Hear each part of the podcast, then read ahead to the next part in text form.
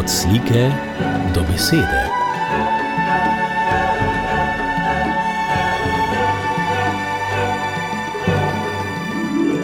Od slike do besede.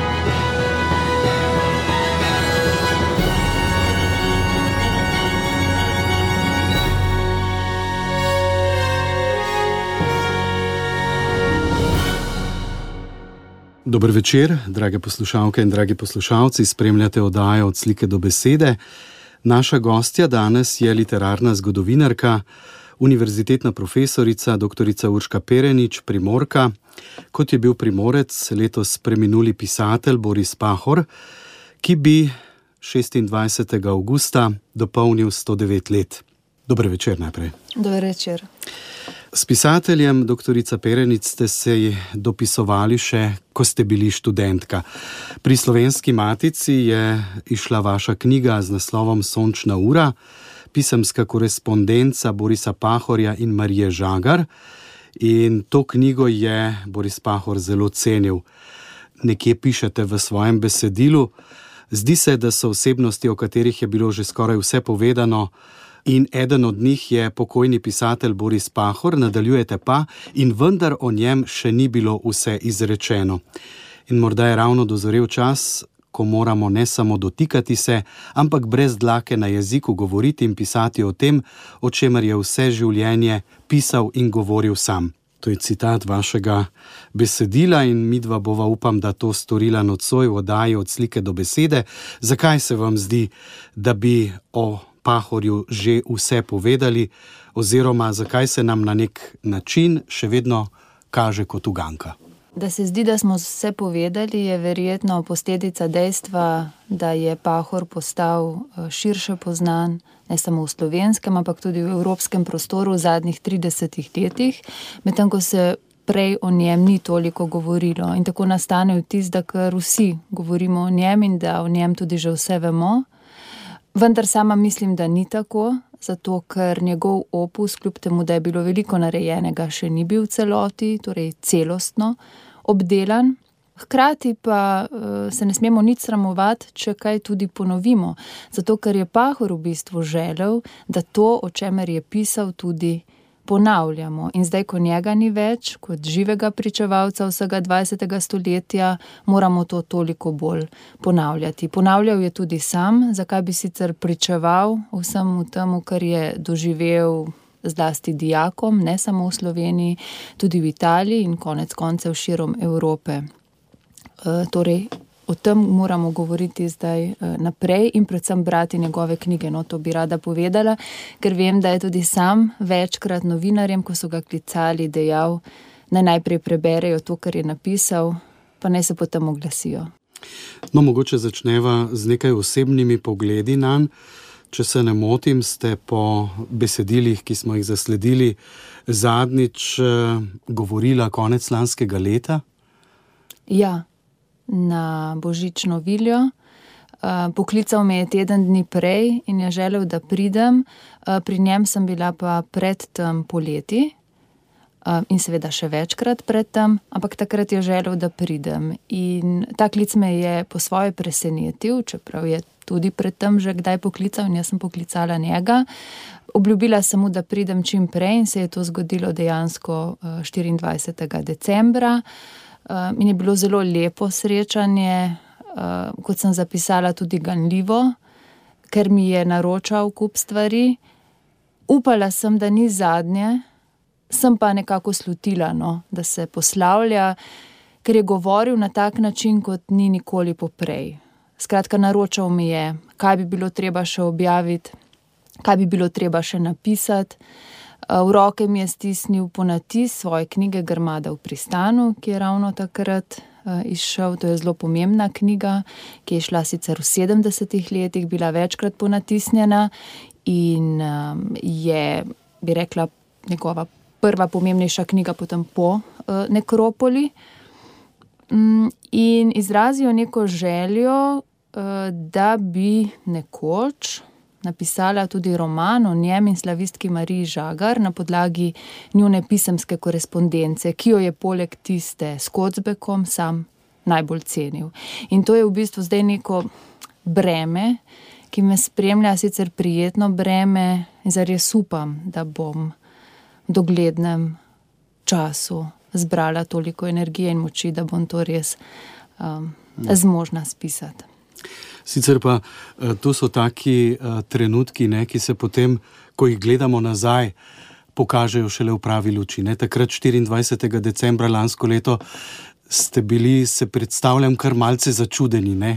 Zvoni telefon, potem se oglasite tam, potem pridete k njemu, on uh, že deli neke stvari naprej. Mm. Ampak potem, ko gledaš nazaj, verjetno ugotoviš, da je on že vedel, zakaj se gre, oziroma kaj se bo kmalo zgodilo, in vam je na nek način ja. uh, skušal nekaj izročiti naprej. Ne? Ja.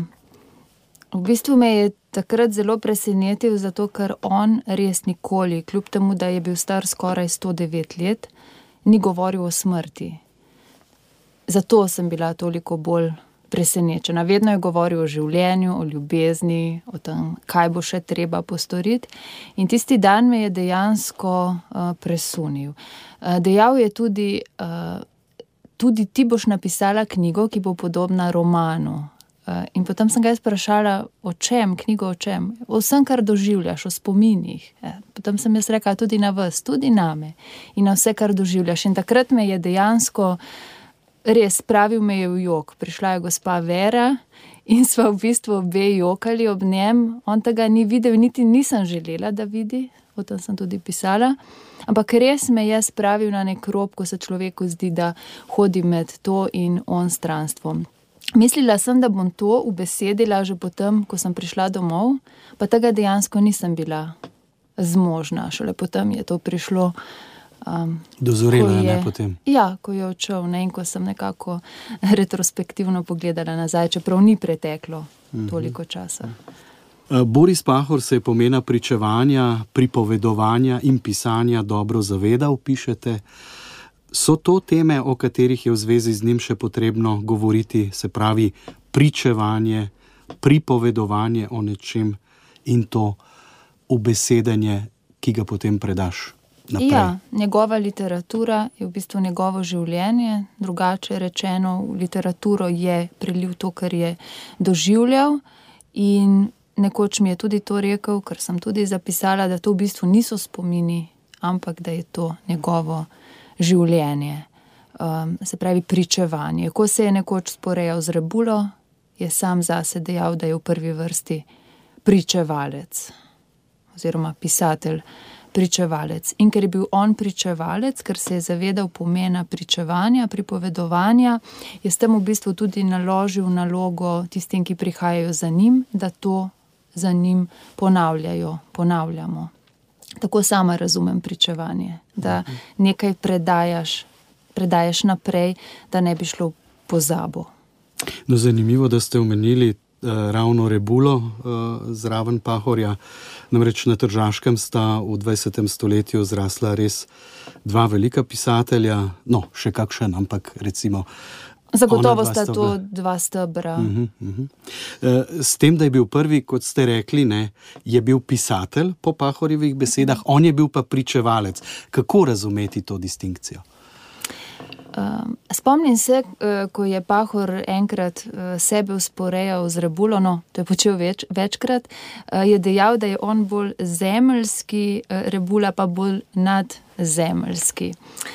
Kako to razumeti? Uh, ja, zagotovo je njuno pripovedovanje zelo različno. Ne? Za Rebulo je tudi dejal, da je bolj psihološki. Um, jaz bi rekla, da gre Pahorju predvsem za zgodbo da se v tem zelo razlikujeta. Ne? Da on res daje poudarek na zgodbo, na to, kar je doživel, in da skuša to uh, preliti potem v besedilo. In sam niti ni, se mi zdi, postavljal tako ostre ločnice med romanom. Eh, in eh, tistim, čemu pravimo polliterarna besedila, da nimamo dnevniki, spomini.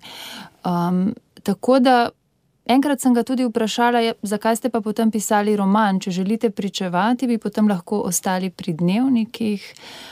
pri spominih, pri autobiografiji, pa je dejal, da se mu je zdelo, da vendarle ni vsega povedal. Ne? In literatura je vseeno tisti prostor, ki nam daje neko uh, svobodo, ne? prostor svobode.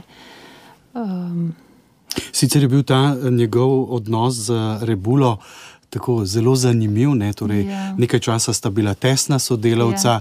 potem sta se malce rašla, potem sta se spet iskala, spet rašla, mislim, zanimivo. Ne? Ja, in bila seveda povezana tudi okrog tiste zgodbe z Kodzbekom. Se mi zdi, da je to nekako najbolj vtisnjeno v naš uh, kulturni in zgodovinski spomin. Ampak meni pa se zdi krasno to, da sta različna, ker sta res vsak po svoje zanimiva, oba pomembna in oba sta bila stebra uh, slovencev, on stran meje, in zdaj, ko ni v ni več, uh, nekako to tone v preteklost in smo mi tisti, ki smo poklicani, da o tem govorimo. Jaz ne vidim. Uh, pa sem z dolžnim spoštovanjem do sodobnih ustvarjalcev, nikogar, ki bi bil tako trden stebr slovencev za mestvo. Tega danes, mislim, preprosto ni več. Verjetno so se tudi časi nekoliko spremenili, oziroma zelo so se spremenili.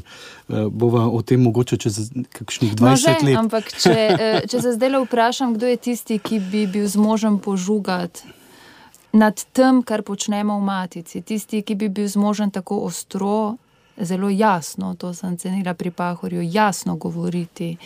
O razmerih med matico in zamestvom, o nekih kulturno-političnih vprašanjih. A je kakšna taka moralna avtoriteta? Mislim, da je trenutno res nimamo.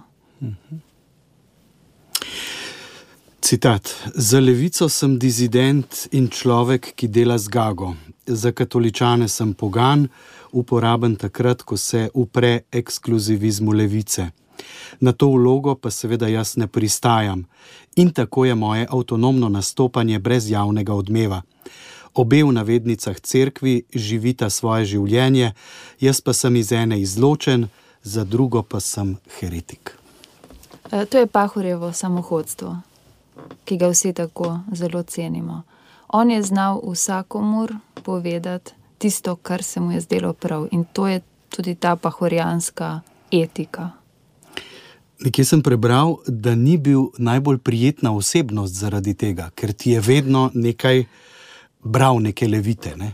Ja, ampak ni to pričevanje. Ne? Njemu se je vedno zdelo, da mora povedati tisto, kar se mu zdi prav, tisto, kar mora biti um, izrečeno. Jaz ravno to danes pogrešam, da bi nekdo govoril jasneje.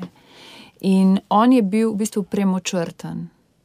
Lahko vzamemo izjave iz različnih obdobij njegovega življenja, ampak vedno bomo prišli do nekega podobnega, enakega smisla teh izjav.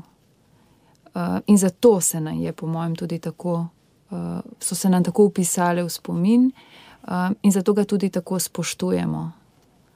Uh, tako da jaz to njegovo nepripadnost, če hočete, samohodstvo, zelo cenim in uh, je neke vrste zgled. Uh, je pa velik izziv, kako to dejansko živeti, to samohodstvo. Tukaj je nekaj tem, ne, recimo, ki se jih je loteval in od katerih recimo, ni odstopal, kot je uh, sam to videl. Pa če se bo zameril levici ali desnici, recimo, ne vem, če se spomnim te druge kitice, um, naše himne, uh mhm. -huh. ki za levico ni primerna, ker omenja Boga, za njega pa ni bila prva v redu, zaradi tega, ker slavi druge narode, svojega pa ne. Pa ne ja. in uh, ta identiteta in tako naprej, potem odnos matice do zamejstva in tako naprej. Piranski ja. zaliv in tako naprej. Ja. Pa potem tudi no, vtika v pozitivnem smislu, se je tudi v to, kaj poučujemo v šolah. Vem, da je prav v zvezi s to knjigo Sončna ura, ki jo je zelo cenil, uh, si želel, da bi bila prevedena v francoščino, ki jo je seveda sam sjajno obvladal, in da bi jo brali mladi, zato ker sta dejansko s profesorico Žagarjevo razpravljala o dogajanju uh, na slovenskem po vojni. No, omeniva zdaj Marijo Žagar in pa Sončno uro. To je pisemska korespondenca. Osebno, recimo, imam vedno pri objavi takih pisem nekaj težav, ne, ker se mi zdi, da gre za neko brskanje po osebnih stvarih, ampak tukaj se zdi, da je bila ta korespondenca že od začetka pravzaprav mišljena kot razmislek o nekih problemih, ki se dogajajo. Skratka, lahko bi ga prebral kdorkoli, oziroma uh, o teh uh, problemih, o katerih sta ona dva pisala, so se takrat spraševali ljudje, intelektualci in tako naprej. Uh, zanimivo pa je, da če te uh, besede beremo, pravzaprav vidimo, da sta drug drugega spodbujala v smislu razmisleka. Ne? Se pravi, to in to sem slišala, o tem in tem mislim to. In potem je Pahor to prebral in povedal svoje mnenje, in se je odprla, recimo, še neka druga tema, in tako naprej. Ja, uh, torej, jaz mislim, da sta se zavedala od začetka, da bo to nekoč javno in da sta že pisala, kot ste sami povedali, s tem uh, namenom. Vse jaz mislim, da večina takih korespondenc, ki uh, nastajajo med kulturniki in intelektualci, je že od začetka pol javnih. Se pravi, da obstaja zavedanje o pomenu tega pisanja za širšo skupnost, za narod. In točno to, kar ste rekli, spodbujala sta se, uh, si dajala impulze, in zato je ta korespondenca tako pomembna, ker ona dva se odzivata v bistvu na vse pomembnejše dogodke, dogajanja v času od sredine 60-ih let prejšnjega stoletja pa do 90-ih let, ko se Slovenija osamosvoji. Tako da je to ena tako krasna, eh, ne bi rekla toliko politična, ampak bolj kulturno-politična zgodovina, bogata z njunimi um, komentarji. Uh, seveda si lahko predstavljamo, kakšno je bilo Pahorjevo stališče, vse čas je zagovarjal samobitnost uh, slovencev. Uh, pravzaprav je razvijal v tej korespondenci vse tiste misli, ki jih je zastopal že v zalivu, ki ga premalo poudarjamo, ko govorimo o rojevanju slovenske pomladi, um, in vse tisto, o čemer je pisal v svojih dnevnikih. In konec koncev tudi romanih. Kdo je bila Marija Žagar? Povejva za tiste, ki, ki ne vedo, kdo je bila ta profesorica, ki je imela hišo na Uskovnici. Ja, in tako naprej. Marija Žagar je bila slavistka, profesorica slovenščine, ki je poučevala na Krajinski gimnaziji. Um, bila je nadpovprečna profesorica. Jaz bi rekla, da s tem znanjem, ki ga ona pokaže, s tem vedenjem, ki ga um, razgrne v korespondenci, bi bila čisto brez težav univerzitetna profesorica. Jaz si danes skoraj da ne predstavljam, da bi bil kakšen uh, srednješolski ja, učitelj, srednješolskega učitelja. Res. Obvladala je ne samo slovensko, ampak tudi svetovno književnost. No, s Pahorjem sta se seveda razgovarjala tudi o slovenski književnosti, ker se je njemu vedno zdelo, zato ker je bil prikrajšan za šolanje v slovenščini, da to književnost uh, pač premalo pozna. pozna ja. um, on je bil tudi tisti, ki jo je spodbujal, naj vendarle začne tudi uh, pisati literarno.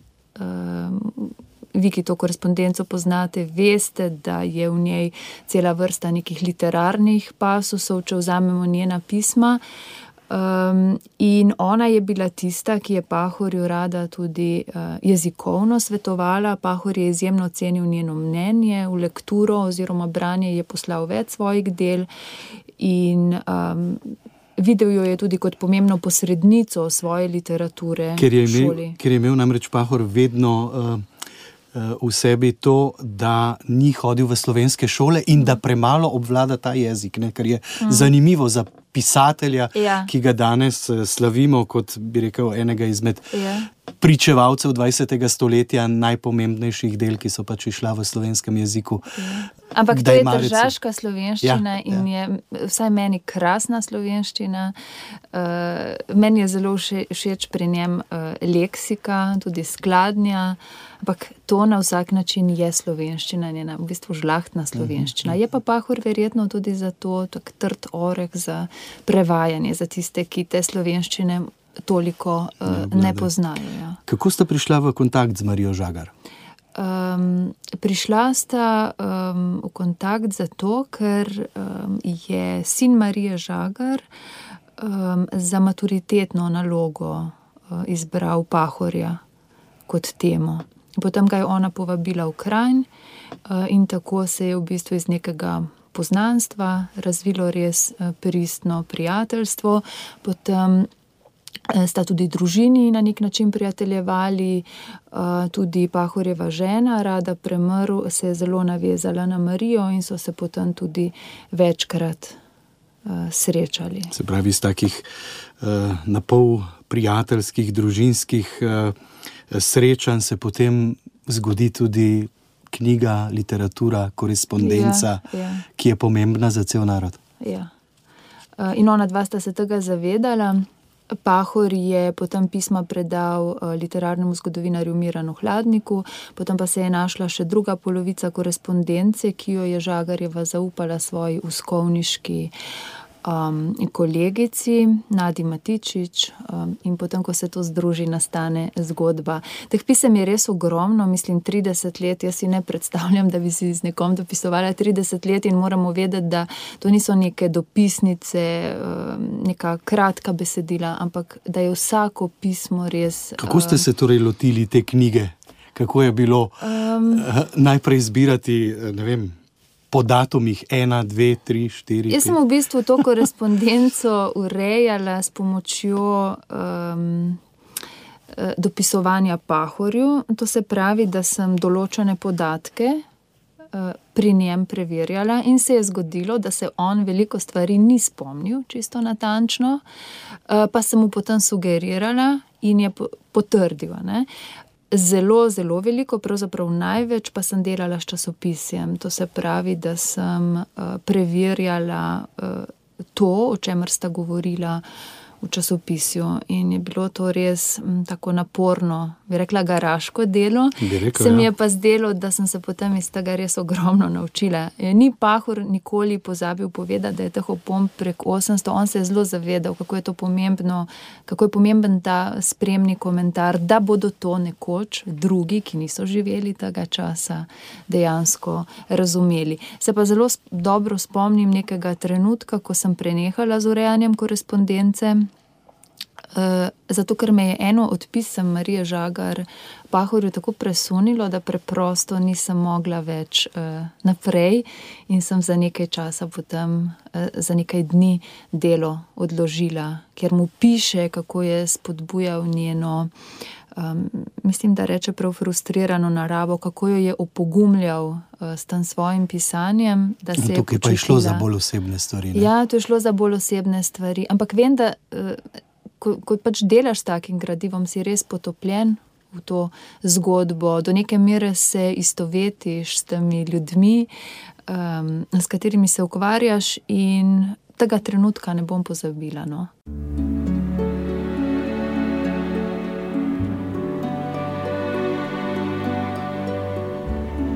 Od slike do besede.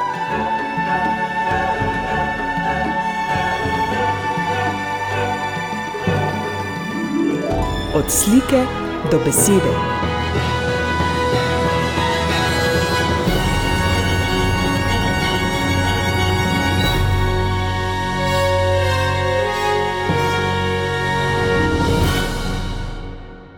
Doktorica Urška Perenič je z nami. 109. obletnica rojstva tržaškega pisatelja Borisa Pahorja bi bila minuli petek govoriva pa torej o spominih na Borisa Pahorja, o njegovem pomenu. In ko smo pri njegovem pomenu in vrednosti, eh, moramo spet nekako reči, da eh, Slovenci smo taki, ne, čudni. Ne. Vrednost Borisa Pahora namreč nam je pokazala tujina. Ob izidu njegovega romana Nekropola, ne, ki je šel leta 1967 se v tem romanu ni nekaj dosti vedelo, ampak po francoskem prevodu leta 1991 in potem številnih drugih prevodih, recimo v Nemščino in tako naprej, so prišle številne nagrade, francoska, nemška. In potem se je pravzaprav šele zaradi teh nagrad v tujini začelo njegovo pravilno umeščanje in konec koncev, recimo, dodelitev preširnove nagrade leta 1992. In če sem zdaj malce zloben, ne, neznameniti intervju s Kocbekom iz leta 1973, ne revija Zaliv, ne zanimanje za vedenje o pokolu domobrancev po vojni, ampak tujina je bila tukaj pomembna, da smo Pahorja prepoznali, spoznali in umestili. Anahronizem, ne? Ja, in po svoje žalostno, da nam mora tujina vedno pokazati na tisto, kar je vredno. Ampak zdi se, da je preprosto čas takrat za res dozorov. Gotovo je bilo pa to za Pahorja tudi zadoščenje, ker si je v bistvu od 60 let, torej skozi 30 let, prizadeval za eno in isto stvar. In jaz vidim potem to preširnovo nagrado, ki je najviše državno odlikovanje na področju kulture, kot neko krono vsem tem njegovem um, prizadevanju. Lahko pa jo vidimo tudi kot, eh, bi rekel, znamenje slabe vesti. Tudi. Sej Pahor je bil naša slaba, slaba vest. vest. Mhm. In uh, bo ostal še naprej, se mi zdi. In tako je prav. Je pa on res kot. Um, pravzaprav je postal do 90-ih let neke vrste institucija. Tudi če sledimo njegovi pisemski korespondenci, vidimo, ne, kako on postopoma skozi desetletja, od, torej od polovice 20. stoletja pa skozi vsako desetletje tja do osamosvojitve, postaje vedno bolj poznan. Kako si tudi zgradi to široko pisemsko mrežo, ki je v bistvu razpredena po vsem svetu. On si je dopisoval tudi Slovenci v Ameriki, v Avstraliji. Eh, in kako postane ta pahor, uh, neke vrste institucija. In tega ni mogoče spregledati. In v začetku 90-ih let Pahorja preprosto ni bilo več mogoče spregledati, niti zanikati. To, kar se je pa dogajalo zadnjih 20 let, se mi zdi, pa, da je bil sploh fenomen. Uh mhm. -huh. Smo pa vendar vsi vedeli. Edini živi pisatelj, ki je že dobil spomenik. Ja, v Tivoliju. Ki je celo večji od uh, tistega. Naravn kateremu hodi, ne, se pravi, ja. s katerim sta prijateljevala mm. in veliko stvari skupaj naredila, objavila mm. in tako naprej. Ja. Vem, da sprva ni bil tako navdušen nad tem spomenikom, o katerem govorite, se pravi, o, nad spomenikom eh, v Tivoliju, ki stoji ob Kocbeku. Potem pa je to nekako, kar se mi zdi s ponosom. Uh, sprejel in moram priznati, da me je takrat rahlo uh, začudilo, no? ko je pristal na to, da bi imel ta spomenik. Mislim, da mu ga je mladinska knjiga. Tako. Celo nekje na, na torbi, mislim, da je ja. njihov. No, tisto pa vsaj meni osebno ni bilo najbolj všeč. Ja, mislim, da marsikomu ni, še ja, danes ne. Ja. Ampak eh, so se hoteli pač podpisati, nekdo je pač stvar plačal. Ne? Ja. Tudi to je tisto, kar je.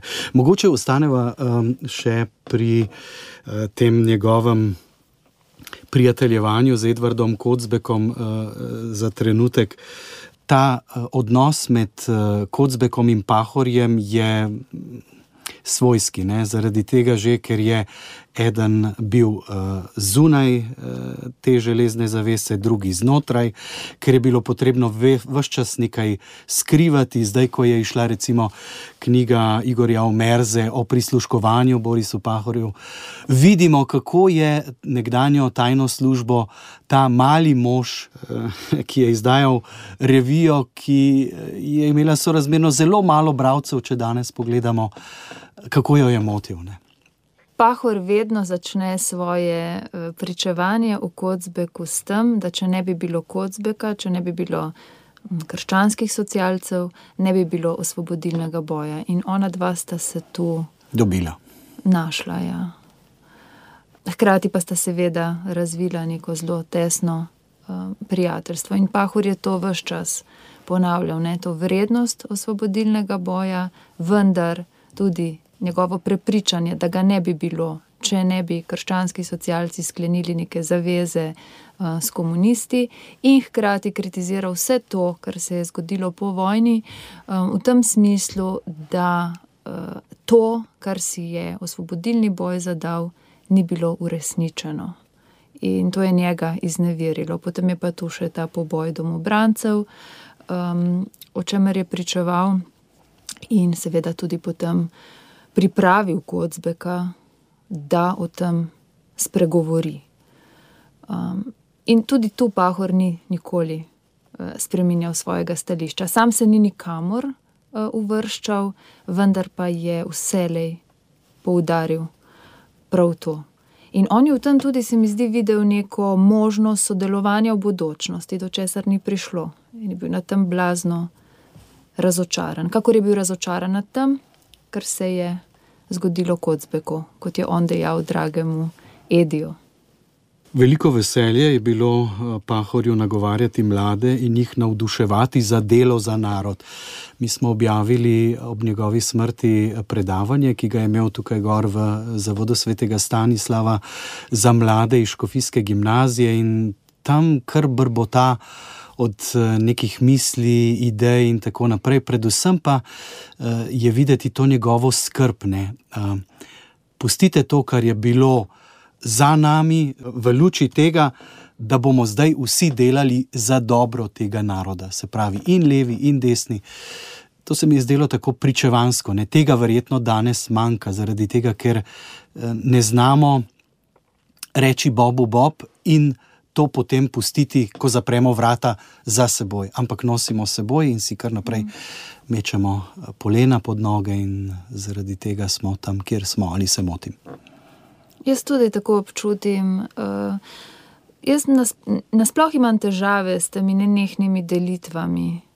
In tu se res tudi deloma zgledujem po pahorju. Ne gre za to, je, kaj je levo, kaj je desno, ampak gre za to, kaj je prav. In um, on se je zavedal, da mora o tem govoriti mladim, ker mladi so tisti, ki bodo potem uh, to ponesli naprej in so naše upanje za prihodnost. Uh, tako da njemu ni bilo nikoli žal porabiti niti minute, kaj minute, ure, uh, ko jim je govoril in ko so že vsi utrujeni sedeli. Jaz sem bila na več takih uh, pogovorih in to je res tudi, to človeka tudi fizično izčrpa, ampak Pahor je bil neumoren. On je govoril in govoril o tem. In zelo pomembno se mu je zdelo, da ne govori o tem samo na slovenskem, ampak tudi v Italiji. Eh, ko je potoval v Italijo in ko je tam pričeval dijakom, se mu je zdelo ključno, da eh, jim pričuje o fašizmu, ki se je začel v Italiji, v Trstu, točneje, dosti prej kot drugot. In potem Eh, so prišli, seveda, tudi drugi totalitarizmi 20. stoletja. Ampak njemu se je zdelo ključno govoriti in tudi pisati jasno o tem, kje se je začel fašizem. In da je bil to trst, da je bil to tisti požig, ki ga je s svojimi, um, svojima sestrama videl na lastne oči in se je tako zelo, mislim, dobesedno užgal v njegov uh, spomin in ga potem ne nehoma spremljal kot neka travma upamo, da se bo zdaj narodni dom uh, vrnil nazaj tam, uh, odkuder je bil vzet, ne? zaplenjen, zdaj naj bi ga slovenci spet dobili. Sicer pa Boris Pahor govori, da je potrebno ohraniti svojo identiteto, zelo se mi je zdelo zanimivo. Ne samo, da se mi učimo angleščine in nemščine, ampak da bi se kot znak dobre volje, bratstva in tako naprej, našega slovenskega jezika, recimo, učili v Avstriji, v Italiji in tako naprej. Zelo drzne misli. Uh -huh. uh, ja, ali kot je dejal, tudi ne, bolj kot smo evropejci, bolj smo slovenci. Se pravi, zavedati se vrednosti svojega jezika, kulture in tradicije. In vem, kako je v enem intervjuju, ki sem ga delala z njim leta 2020, eh, zelo jasno in ostro dejal, da ljubezen do domovine ni nacionalizem. Torej, želel je poudariti to, da moramo spoštovati, da moramo imeti odnos, da moramo imeti radi svoj jezik svojo klasiko oziroma literaturo, svojo kulturo in da se tega preprosto ni treba sramovati in temu lepiti neke slabšalne oznake, kot rečeno, nacionalizma. Zato, ker je to spoštovanje lastne tradicije ali še drugače, če veš, kdo si, potem lahko sprejmeš tistega drugega z velikim D. Doktorica Urška Perenič, zdaj pa greva k stvarem, ki se bodo šele zgodile in so seveda povezane z Borisom Pahorjem, pa seveda tudi z vami. In sicer bo sredi novembra v Ljubljani simpozij o Pahorju, sami pa ste tudi prijavili projektno skupino oziroma projekt o Pahorju. Nam lahko ti dve stvari za konec najnega pogovora ob 109. obletnici rojstva velikega tržaškega pisatelja Borisa Pahorja predstavite. Torej, sredi novembra se bo v Ljubljani odvil simpozij, mislim, da bo kar zajeten, ki ga organizirava skupaj s kolegico, slavistko in pesnico, dr. Nežo Zajc z Inštituta za kulturno zgodovino ZRC SAZU. Um, tako da so priprave, bom rekla, že kar v teku. To bo sredi več, novembra. več predavateljev. Več predavateljev, ja, Vsak. zelo različnih, literarnih zgodovinarjev, zgodovinarjev, publicistov. Trenutno torej še zbirava odzive, ampak mislim, da bo eh, to zelo lep dogodek. Želeli smo si, da ne bi o Pahorju govorili samo ob smrti, ko je bilo vse polno besed po najrazličnejših medijih, kar je sicer lepo, ampak um, ne smemo pozabiti na njega. Če, če samo uskočim, vas je presenetil njegov pogreb eh, z odsotnostjo nekih ljudi, ki bi verjetno glede na njegov pomen tam morali biti?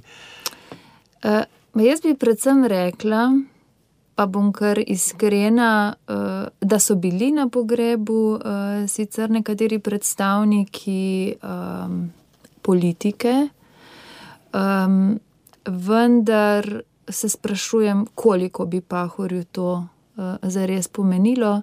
Uh, sem pa vesela in vem, da bi mu uh, veliko pomenilo, pa da so bili tam nekateri drugi ljudje, um, ki jih mediji pač niso pokazali, in to niti ni potrebno, zato ker so bili zaradi svojega odnosa in prijateljstva s Pahorjem. Zdaj vseh ne moremo omeniti, ampak mogoče bi omenila vsaj gospoda Petra Kovačiča Pršina, ki ga je Pahor zelo cenil. In da me je mogoče nekoliko užalostilo to, ko sem videla, da so nekateri iskali res samo pozornost medijev, da bi tam povedali dve besedi, um, čeprav se mi zdi, da s Pahorjem niso imeli veliko in da celo ne sledijo v dejanju tistemu, kar je Pahor dejal. Se pravi, lepo je nekaj um, govoriti, ampak uh, tem besedam je treba tudi slediti z dejanji. Um, Dobro, da ne bova ostala predolgo pri, pri tem. Eh, Skratka, simpozij o Pahorju naj bi nam ga predstavil na več različnih eh, načinov, pogledov, z več različnimi temami in tako naprej. To bo seveda eh, simpozij, ki bo namenjen strokovni javnosti. Ne? uh, bi rekla tudi širši, laični, kulturno zainteresirani javnosti, hkrati pa želimo ob tej priliki tudi obeležiti okrogli obletnici rojstva in smrti Edvarda Kocbeka. Tako da bo go- zagotovo um, ena od sekcij na simpoziju posvečena tudi njunemu plodovitemu odnosu. Rada bi pa omenila še projekt, um, sedaj je to še.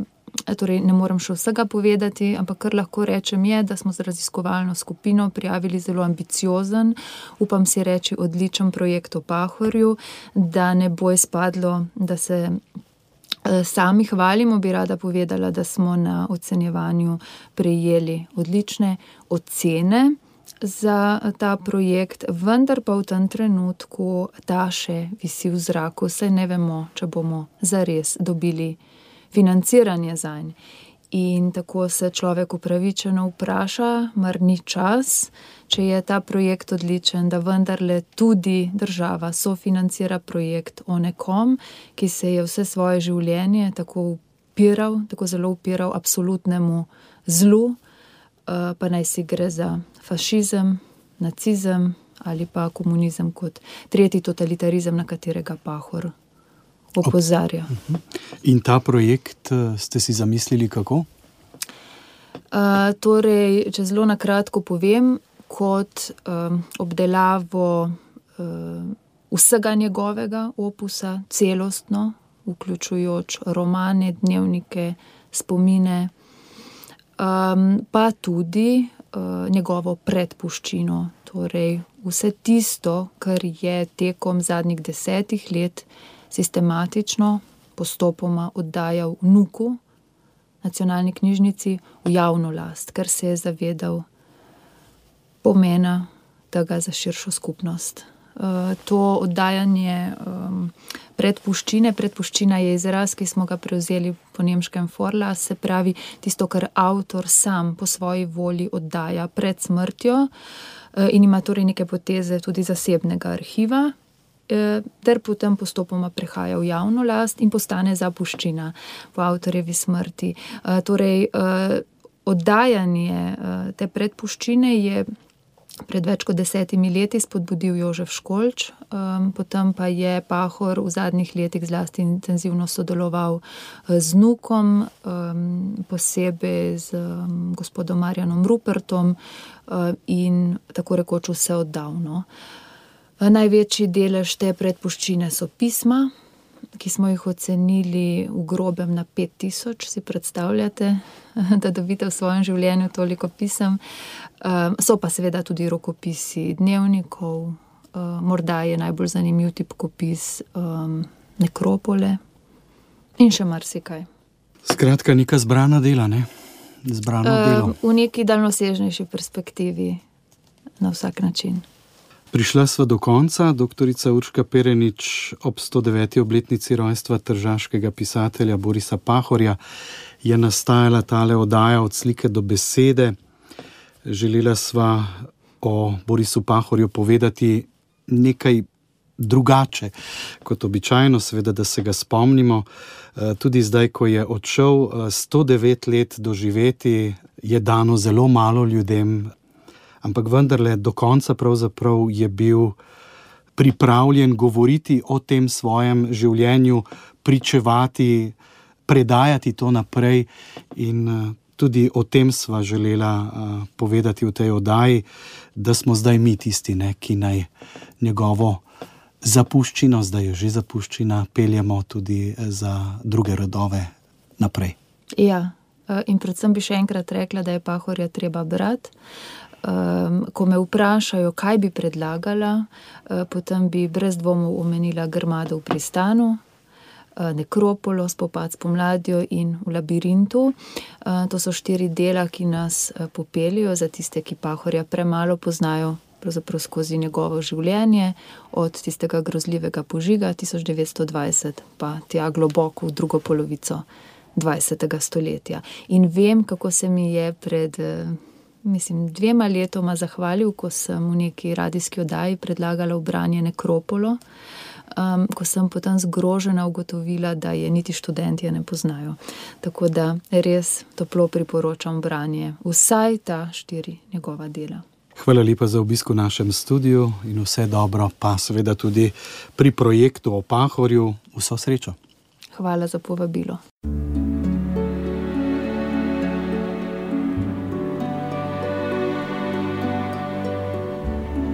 Od slike do besede.